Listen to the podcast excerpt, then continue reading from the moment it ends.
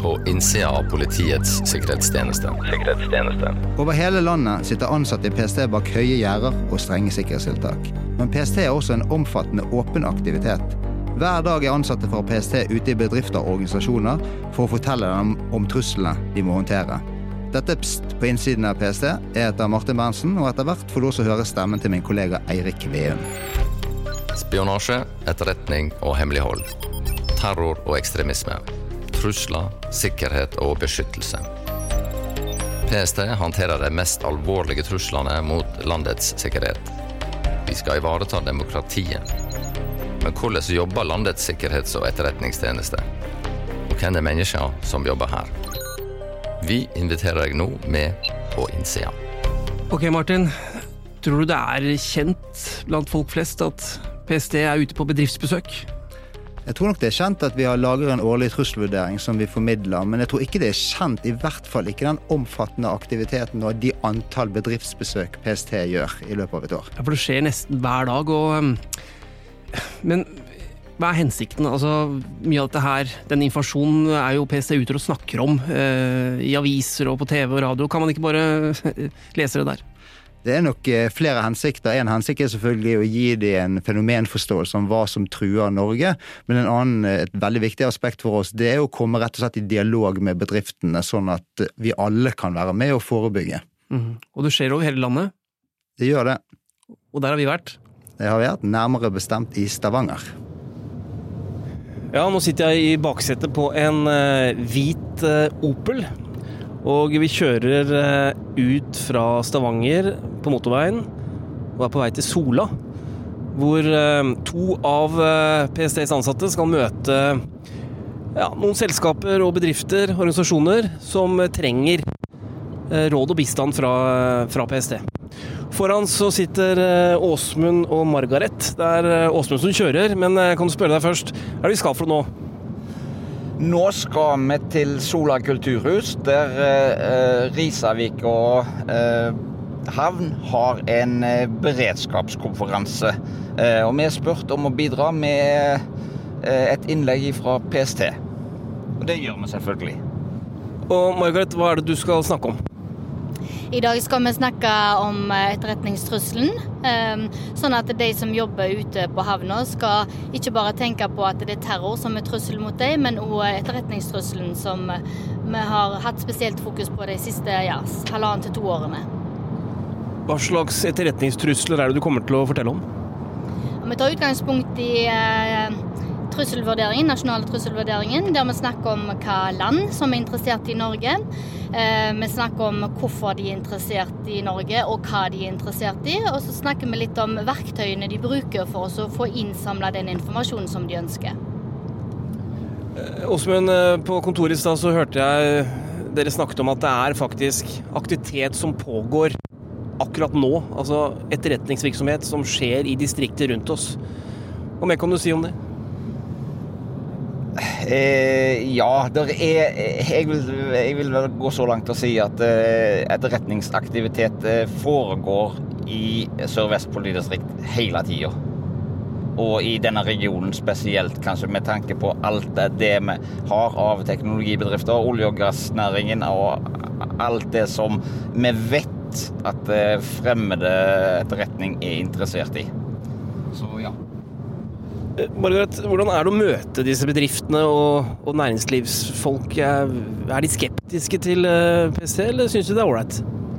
Jeg tror de er ganske spente når vi kommer, så jeg tuller litt med de og sier at eh, nå er jeg her for å skremme dere. Men så får vi satt en god tone og prøver å forklare dette på en litt forenkla måte, egentlig. Fordi det kan være litt innvikla eller litt sånn urealistisk å tenke at det, det går etterretningsagenter iblant oss.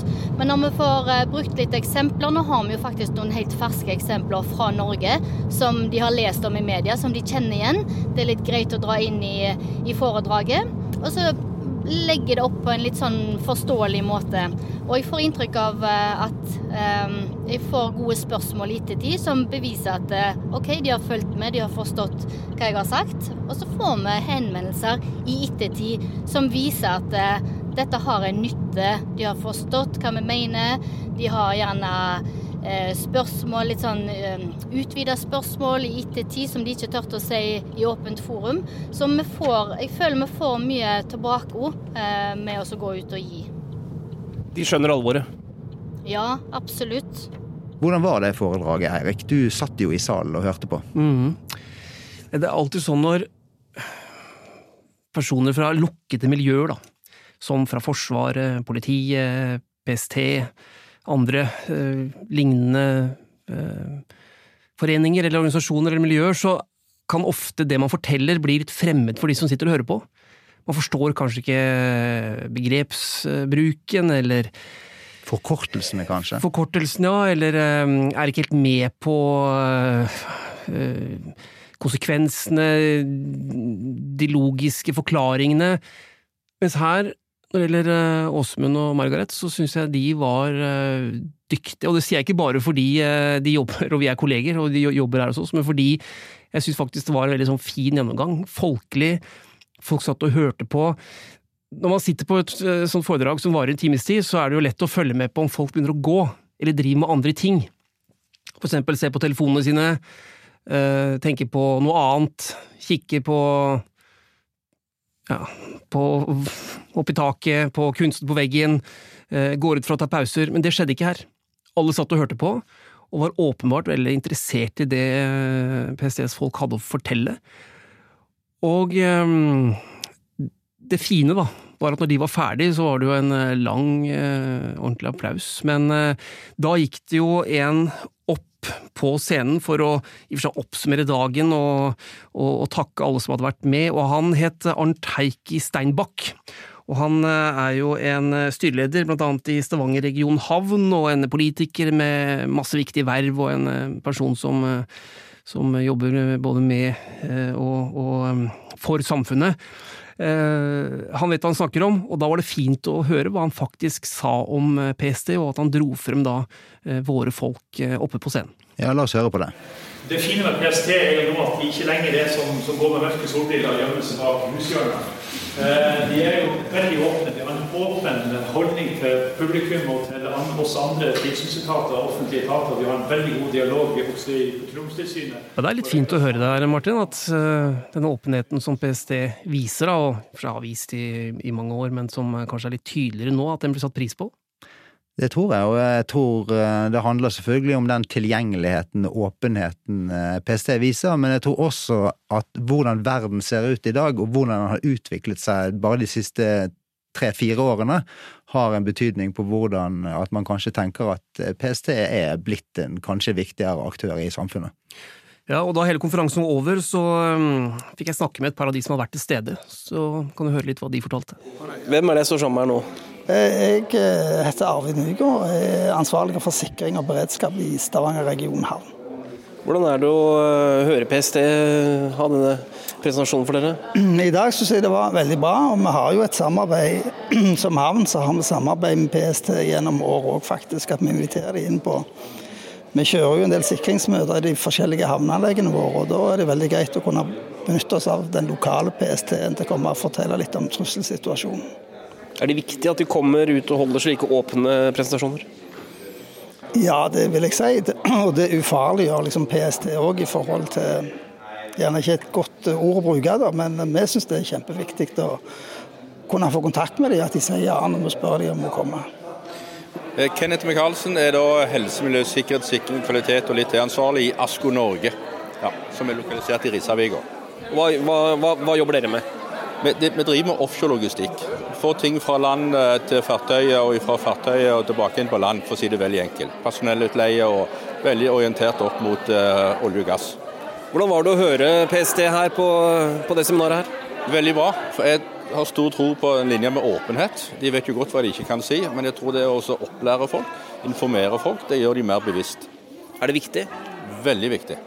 Spesielt siden de ser virkningen av det i egen organisasjon. F.eks. I, uh, i fjor høst, da når vi begynte å, eller høsten uh, eh, 2022, når vi begynte å få økt uh, risiko opp mot sikring av anlegg og sånt. Og, da brukte vi mye tid på å informere. Hvorfor gjør vi um, Når PST holder slike presentasjoner, gjør det det enklere å ta kontakt med dem hvis du skulle oppdage noe i selskapet eller i omgivelsene som det er verdt å melde fra om? Selvfølgelig, for du avmystifiserer. Altså, det er jo en e-mailadresse, og så vet du det at det er ikke noe annet enn noen å snakke med. Og du vet hvilken retning du kan sende informasjon. Eirik, vi var jo noen dager i Stavanger, og vi eh, var jo også på politihuset der, der vi møtte våre egne ansatte. Mm. Hva, hva, skjedde der? Nei, De fortalte jo, som vi nå skal få høre, da, hvordan de jobber med dette her, og betydningen av å reise ut uh, og møte uh, aktører som trenger PSTs bistand. Men uh, vi må jo vi har tenkt litt nytt nå også, Martin. De fleste gode podkaster har jo en form for en konkurranse. Det skal faktisk vi også ha i dag. Oi, Spennende. Hva ja, Handler det om Drammen, eller? Nei, ikke helt. Eller jeg vil si, Drammen er berørt, men ikke involvert. Men det vi nå skal få høre, da, dette, denne samtalen, det er noen dager siden vi, eh, vi uh, gjorde det, det opptaket. Og um, det kommer til å komme frem noe her som viser at det er noen dager gammelt. Og så er spørsmålet da om lytterne greier å fange opp hva det faktisk er. Ok, let's go. Ja, vi kommer med løsningen etterpå, men da må man høre på dette først. Ja, Martin. Da er vi tilbake i Stavanger. Nå har vi kommet oss inn i politihuset. Nå har vi gått noen trapper og kommet opp, oss opp i etasjene som Ja, vi er i en fløy som er ganske spesiell, er det ikke det? Jo, men det er en fløy som ofte fins i landets politidistrikter.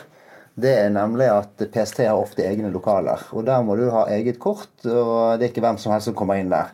Og Det har jo vi fått, eh, Eirik, nå. Sånn at vi i hvert fall kan gå på do uten at noen må følge oss. Ja, til en forandring. Det er et rødt besøkskort da, som vi går rundt med nå.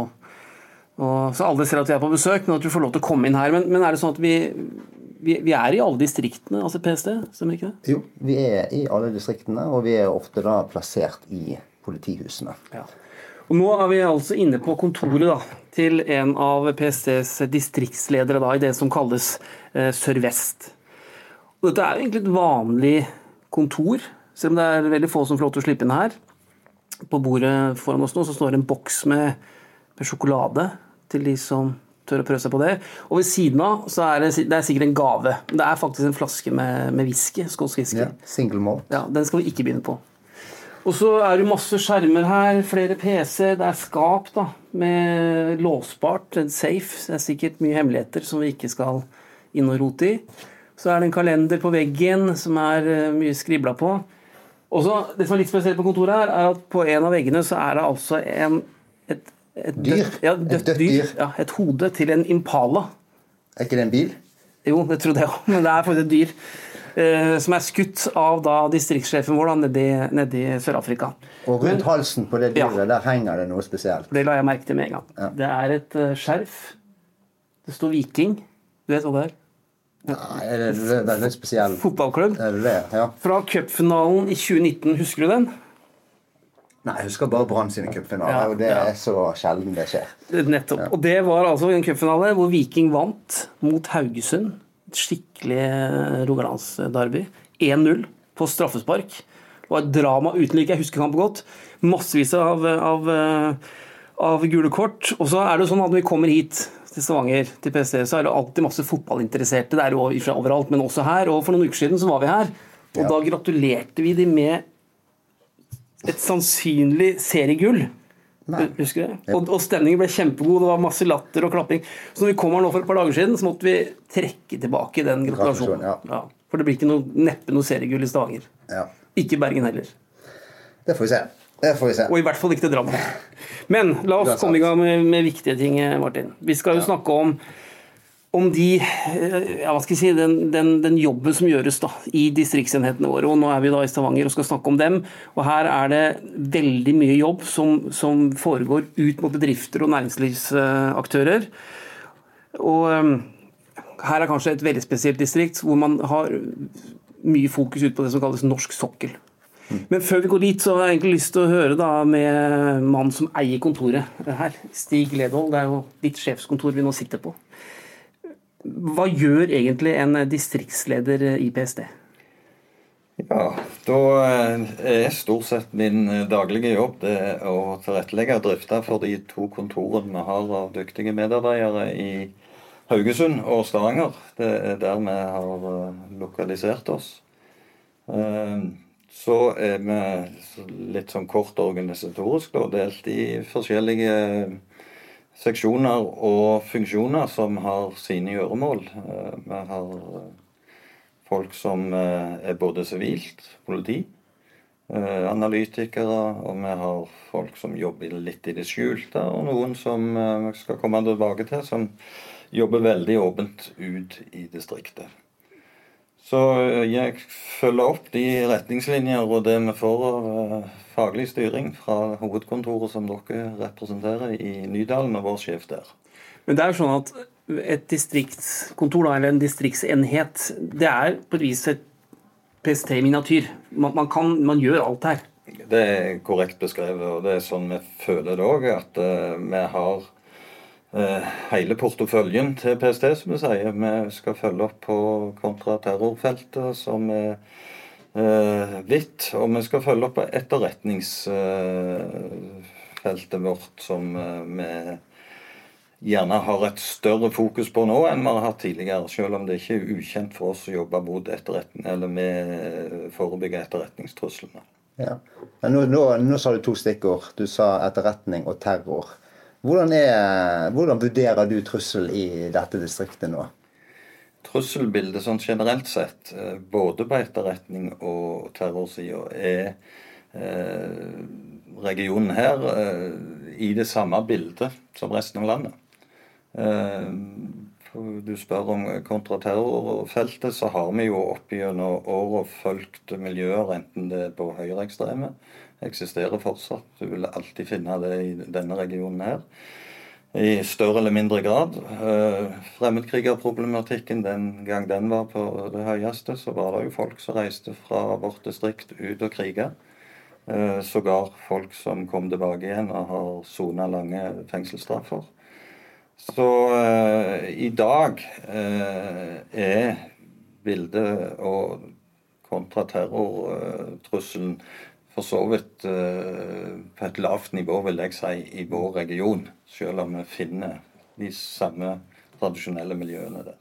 Ja, du, du, har jobbet her lenge, så du, vi vet jo at høyreekstremisme går jo ofte i bølgedaler i Norge. Og vi er kanskje heldigvis nede i en liten bølgedal her, så får vi jo mulig å vite hva, hva som skjer videre. Ja. Men hvordan vil du beskrive etterretningstrusselen? Det er jo et veldig spesielt område av landet vi er i. Ja.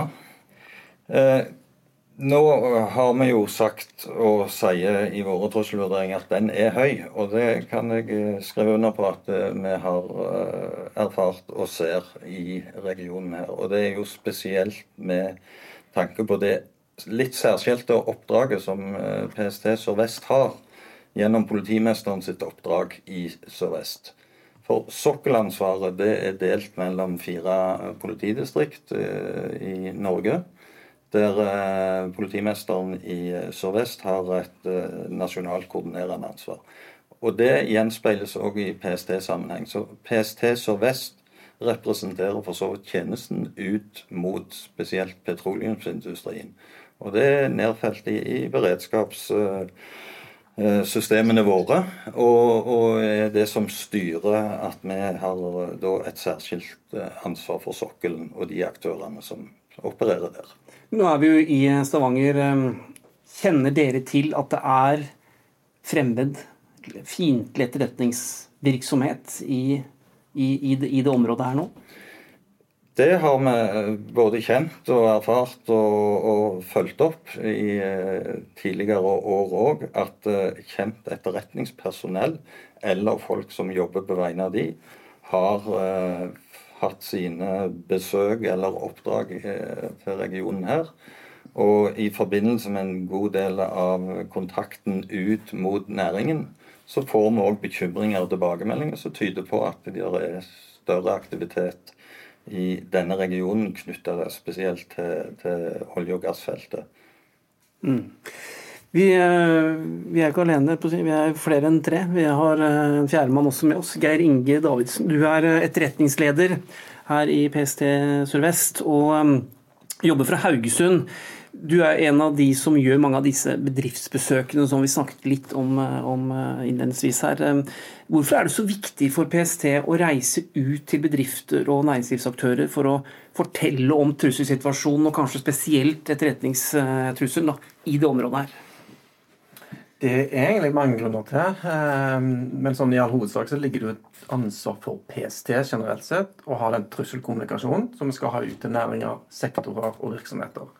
Og i trusselkommunikasjon da, så ligger det jo for så vidt at vi skal presentere en trussel.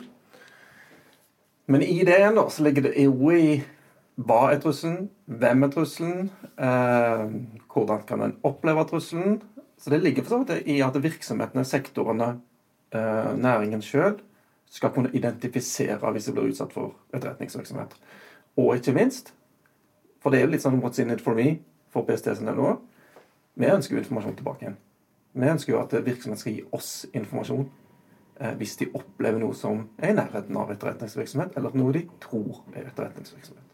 Det er kanskje noe som også kjenner, kjennetegner sikkerhet og etterretningstjeneste, at det handler om give and take. Altså For å få noe, så må man gi noe.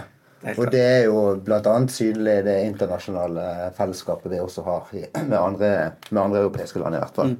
Hvis vi skal bare gå litt videre på det, da, så er det jo litt sånn viktig å få at eh, PST kan gi trusselen, men det er virksomhetene sjøl som må vurdere sine egne sårbarheter og sine egne verdier. Og så skal vi være med å bidra og hjelpe virksomhetene og eh, næringen i den jobben. Men det vi kan gi de som utgangspunktet, er i alle fall fenomenkunnskap. Men vil, du da si at uh, i disse selskapene så har PST kilder, rett og slett? Vi har i alle fall kontaktpersoner. Uh, kilder skal vi ikke bruke, det bruker vi i andre begreper i all hovedsak. Men akkurat her kaller vi det for så vidt kontaktpersoner som uh, gir oss informasjon. Da. Hvis innenfor det feltet vi trenger og ønsker, men ikke ulovlig informasjon, da, hvis det var det en tenkte på. Det går vel ut på noe av det samme? Ja, informasjon er noe informasjon, da. Som, eh, eh, det er viktig å ha kontakter og, og ha dialog. Og det er for så vidt det vi merker. Det kommer helt an på hvilken uh, arena kanskje vi er på når vi er ute og snakker med virksomheten nå. For er vi på ledelsesnivå, så har vi nok en annen tilnærming enn når vi snakker i de store foraene til hele virksomhetens ansatte. Men hvis vi ser litt sånn generelt, da. Et, et sånt møte eller et, eh, et foredrag eller en, en, en gjennomgang, altså det er mange begreper å bruke her, men hva konkret er det du og, og dine folk forteller når dere er ute hos bedrifter? Altså, hvordan bygges dette opp? Ja, Det er faktisk litt vanskelig å være generell, Simon, eh, på mange måter, fordi det kommer veldig an på publikum. Det kommer an på hvilken etterspørsel næringen har hatt, eller virksomheten. Og det kommer an på næringen og sektoren. For vi prøver, og jeg syns vi faktisk har blitt bra på det òg, det å skreddersy foredrag til den næringen vi besøker. Er det kraft, så er det kraft vi snakker om som etterretningstrussel. Og er det olje og gass, så er det olje og gass. Er det undervannsteknologi, så er det undervannsteknologi. Som er kanskje de store tingene her, i tillegg til Ekom i vårt distrikt. Så når vi nå treffer på konsernledelsesnivå, så kan vi faktisk snakke kanskje til begrensa, altså rett og slett um, informasjon som er på B, da, som jeg kaller det. Begrensa Altså som er hemmelig, da, eller som egentlig ikke er offentlig Lavt tilgjengelig. gradert innenfor sikkerhetsloven, da, men Ja. gradert informasjon. Eh, For å gi de beslutningsstøtte for å sikre seg sjøl. Det er liksom vår jobb til konsernledelsen. Mens vi når vi da går ut og har allmannamøte til hele ansatte i f.eks. Lyse, da, som er et kraftselskap, og Internett og annet infrastruktur, ja, da snakker vi veldig ut ifra nasjonal trusselvurdering. NTV-en, som jeg kaller det. Um, den ligger alltid i bånn. Da er vi veldig mye mer generell om fenomenene. Så da prøver vi kanskje å være ikke så Da går vi ikke på sikkerhetsgradert informasjon. Men kan du gi noen eksempler på ja, kanskje ikke akkurat gradert informasjon, da, men kan du kan du være litt, litt generell på det? Altså, hva, hva kan det inneholde? Den type- graderte informasjonen. Ja. Det er vurderinger og sammenstilling av informasjon som, eh, om eh, hvordan en etterretningsoffiser kanskje går fram for å skaffe seg informasjon innenfor kraftbransjen. Og Det er da informasjon som vi kanskje har fra våre eh, søstertjenester ute i Europa. eh, Og kanskje også fra våre søstertjenester her i Norge, som en sammensatt, eh, sammenstiller informasjon. da, Som gir et svar. eh, Egentlig så gir en informasjon som vi må beskytte litt, egentlig. Men blir dere invitert, blir dere invitert eller inviterer dere selv? Begge deler. Eh, vi var nok veldig, vi har holdt på dette i mange år. Eh, til å begynne med så må vi være litt pågående. Det skal være sagt. Eh, men så ble vi forhåpentligvis iallfall et naturlig element i næringen, virksomheten, og det offentlige aspektet. Så nå etterspørs vi i veldig stor grad informasjon. Og krigen i Ukraina, Østersjøsprengningen, eh, for så vidt helt åpenbart hendelser da, som har gjort oss etterspurt i virksomhetene. Det er blitt litt mer allemannseie, litt mer naturlig å forholde seg til etterretningstrusselen enn det var for fire, fem, seks år siden, når det kanskje var litt sånn pedagogisk utfordrende rett og slett, å gå ut og snakke om litt svulstige ting som spionasje. Ja, Nei, for Det er jo det vi har sagt mange ganger, at en, terror, en terroraksjon er noe alle hører om, og det er vellykket. Men en etterretningsoperasjon skal ingen høre noe om, og da er den vellykket. ikke sant?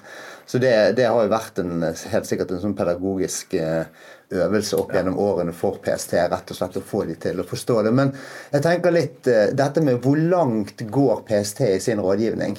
For det er jo klart at de vi treffer, det er jo de som vet hva som er inni en komponent, eller hva er det en rigg kan gjøre. Eh, hvor, hvor langt er det, hvor, hvor, hvor går grensene våre for hva vi kan si? Ja, det er kanskje et vanskelig spørsmål da, som må vurderes fra gang til gang. Ja, Det blir vurdert fra gang til gang, men kanskje ja. min sjef kan si noe om det. Ja, Stig? Ja, eh, hvis jeg forsto spørsmålet riktig, så tenker jeg vi har eh, og Geir Inge inne på det, vi har en, eh, kan du si, et mandat til å rådgi og komme med selve trusselen og forståelsen for det trusselbildet. I forhold til hva komponenter, hva de, hvor sårbar den er, eller om de skal kjøpe den eller ei. Det er faktisk noe vi må overlate til virksomhetene sjøl. Eh, og det skjønner jeg er utfordrende. Det, det får vi litt tilbakemeldinger på òg. Liksom, ja, dere presenterer for så vidt skumle trusler osv. Og vi blir utfordra på det. Hva skal vi gjøre med dette? Men det tror jeg eh, vi som tjeneste for det første kompetansemessig ikke skal mene så mye om. Eh, og vi skal overlate de vurderingene til selskapet. og finne sine egne sårbarheter og beskytte dem. Men hva er det dere konkret ikke forteller? Kan, altså, opplysninger om konkrete personer man skal være oppmerksomme på, f.eks. Er, er det informasjon som PST da ikke deler? Det, kan, eh, det er todelt. Eh, I utgangspunktet så deler ikke vi personinformasjon. Eh, men hvis en tenker konkret personer som er en fare for en virksomhet, det kan være en, en, liten bedrift eller det kan være et stort selskap som, som vi er kjent med kan bli utsatt for etterretningspersonell eller folk som jobber for fremmelands etterretning. Da må vi, og har plikt til å involvere selskapet og informere, og sågar på personnivå. Og det har vi gjort ved flere tilfeller. Mm. Geir du holder mange av disse eh, prestasjonene. Hvordan legger du dem opp for at folk skal henge med og forstå, forstå alt du sier? Ja, Det er et godt spørsmål. og Det kommer litt av erfaring tror jeg, etter hvert om at um, vi må gjøre det litt folkelig. Det må holder på med. Og igjen, igjen da, Når vi er på direktør-konsernnivå, så er vi nok kanskje litt mer mørkere i stemmen og uh, er litt mer presis i det vi sier uh, på mange måter. Eh, fordi de kjenner til eh, mye av det vi snakker om. Eh, men når vi da er for allmennheten, for å kalle det det, da, så må vi legge det på et nivå der folk forstår, og at det ikke blir veldig sånn svulstig. Det er det som er. At det ikke blir sånn Fordi etterretningsvirksomhet er veldig sånn abstrakt på mange måter. Så vi prøver egentlig å legge opp til helt sånn konkrete ting. Og så prøver vi å ansvarliggjøre den enkelte i bedriften. At ethvert menneske som jobber i denne bedriften, vil være et potensielt mål for ulovlig etterretning. At vi gjør, eh, gjør de egentlig ansvarlige. Eh, og så prøver vi å være veldig sånn pinpointer på enkelte ting som cyber- og innsideproblematikk. Ja, nå, nå, sa du akkurat en stikkord jeg tenkte på, dette med innsideproblematikk. For det er jo sikkert forferdelig vanskelig for mange bedrifter, i og med at de har kanskje mange utlendinger som er ansatt, som ikke vi nødvendigvis eh, kan historien til.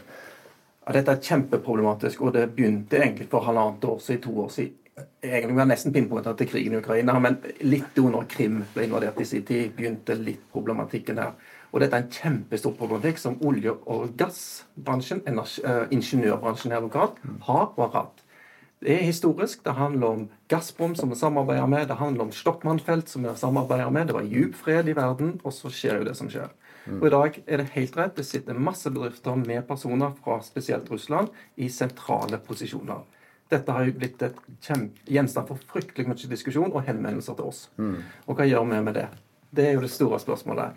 Vi har jo bl.a. gjennomført selv sårbarhetssamtaler med enkeltindivider som vi vet ikke er spioner, men de kan bli utsatt for press fra eget land for å levere etterretningsinformasjon til sitt eget land.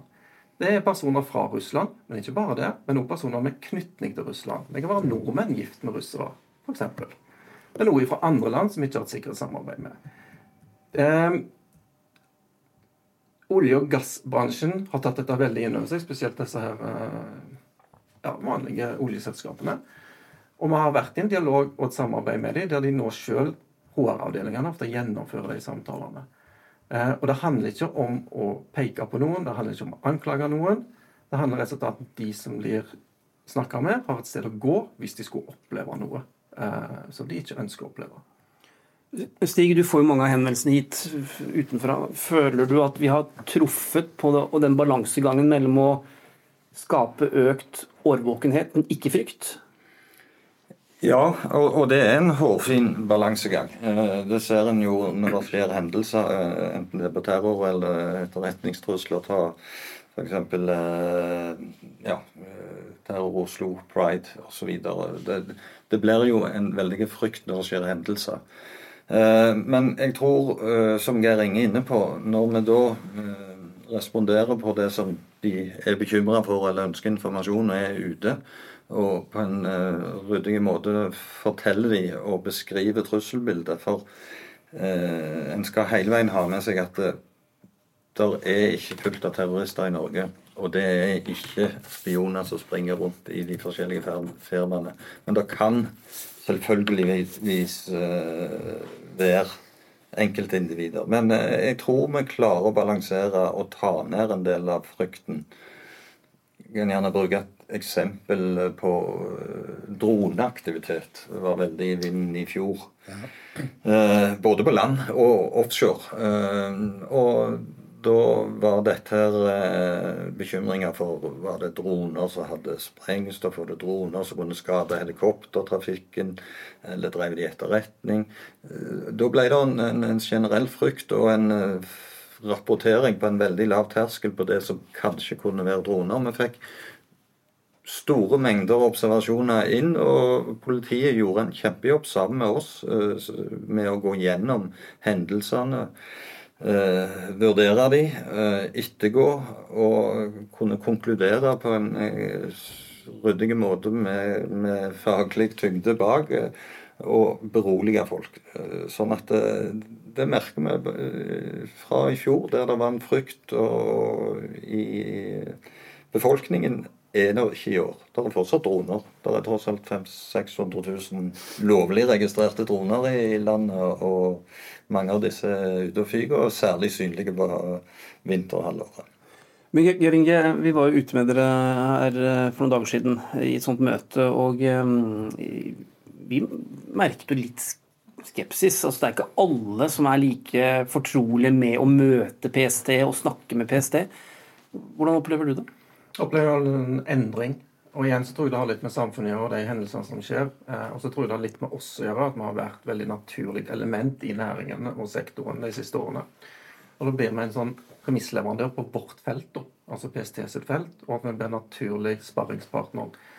Men jeg må jo si at for noen år siden så fikk vi nå både dører lukka igjen etter oss òg, i enkelte sektorer, uten å kanskje nevne hvilke. Men uh, noen var ikke like begeistra for at vi kom og snakka om uh, at utlendinger kunne være etterretningsoffiserer og uh, ville oss vondt. Det var vel et øre de ikke ville høre på. Men det har vært en voldsom endring, syns jeg. I, jeg syns vi har en veldig tillit, jeg må si det. Det er iallfall mitt inntrykk mm. ute i næringen. Og det offentlige òg, for så vidt et stikkord her. Du sier endring. Nå er jo energisystemene i endring. Eller politikerne sier i hvert fall at energisystemene er i endring. Altså Man snakker om vind og vann og sol og hydrogen. Og det er blå hydrogen og grønn hydrogen og grå hydrogen. Eh, og havvind flytende fast. Eh, samtidig som man ser at eh, olje og gass fremdeles er ekstremt viktig for Europa, hvor Norge sitter i en nøkkelposisjon.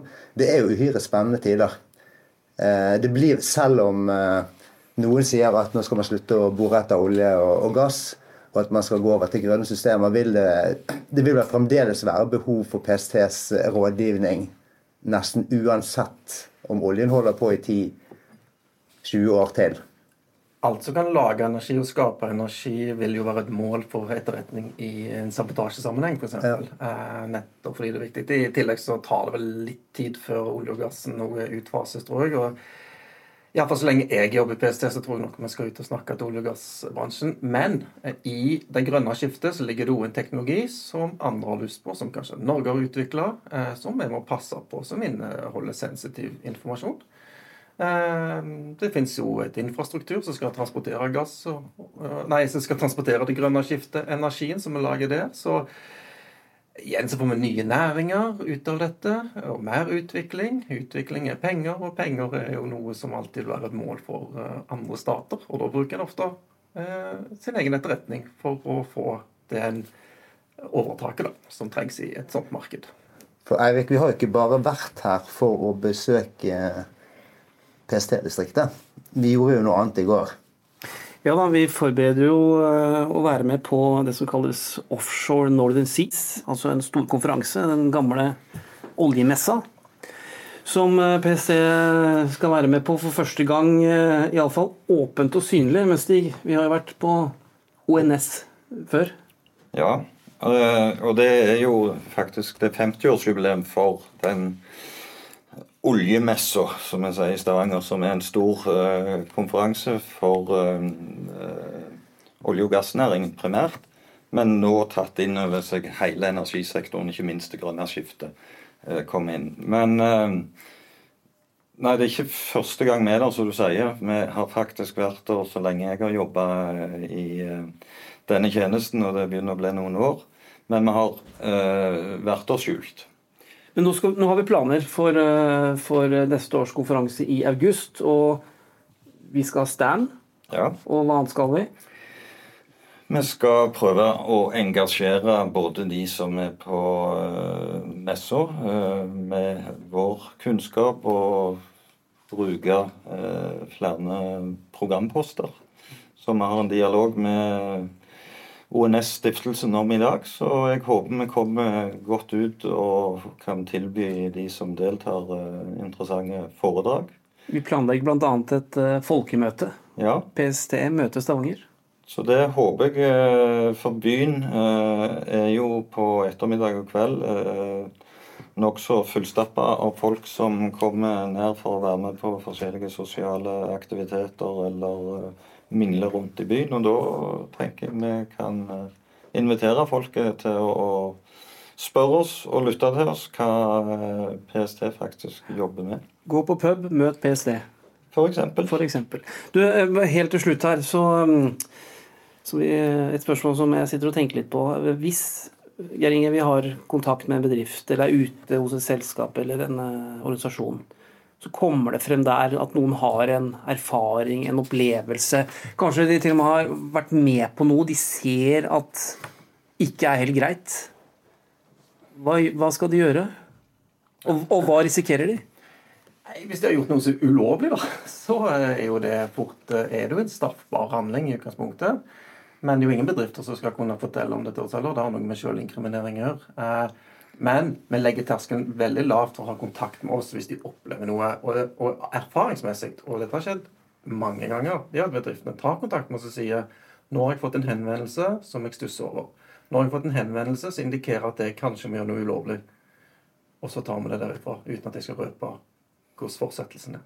Men kommer de til PST, tar de kontakt med oss, Ja. så blir de ordentlig behandla. Det blir ordentlig behandla, og eh, det blir ofte en dialog mellom oss i PST og denne virksomheten, og så tar vi det derfra. Ok, Eirik. Da tror jeg vi skal sette over til oss selv i studio. Ja, vi prøver det. Ja, Eirik. Vi går jo mot en slags sesongavslutning i denne podkasten i 2023. Ja, nærmer seg slutten nå. Ja. Har, vi noen, eh, har, har, har du tenkt ut noen planer for hva vi kan lage i neste episode?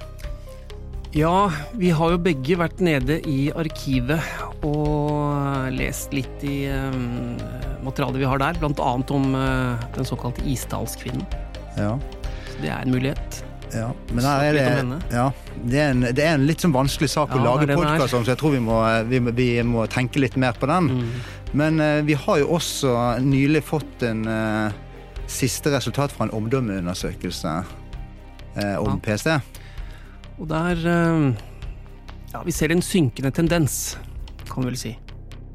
Kanskje det er det vi skal snakke om neste gang? Vi får se. Mm. Vi får Men eh, takk for denne gang uansett. Selv takk. Hallo. Hallo, hvor er du? Det er godt. Hæ? Ja, men Du glemte å fortelle dette med løsningen på den konkurransen du snakket om. Åh, ja, det stemmer. Um, Du kan ikke lage, du kan ikke lage konkurranse uten å fortelle løsningen. Jeg har jo gjort det før. Så var det en konkurranse hjemme om hvem som kunne vaske huset best. Men så glemte jeg å kjøpe premie, så dette har skjedd tidligere. Ja, ja, ja, Men du, hva var løsningen? da? Nei, altså, det var jo bare at um, Vi sa jo der at det var uavklart hvem som skulle få gullet i um, altså seriegullet i uh, fotballen. Ja. Men det er jo avklart. Ja, Så ikke noe PST-relatert, altså? Jeg har jo sagt at dette skal være en fagpodkast. Ja, men fotball er også viktig. og det er klart, det er også viktig at vi har presisjon, da, Martin, de alltid sier, også når det gjelder fotball. Ja, ja, ja. Ok, greit. Snakkes. Ja, snakk, snakkes. Ha det. Ser du noe, si noe. Men bruk sunn fornuft. Kontakt oss på pst.no.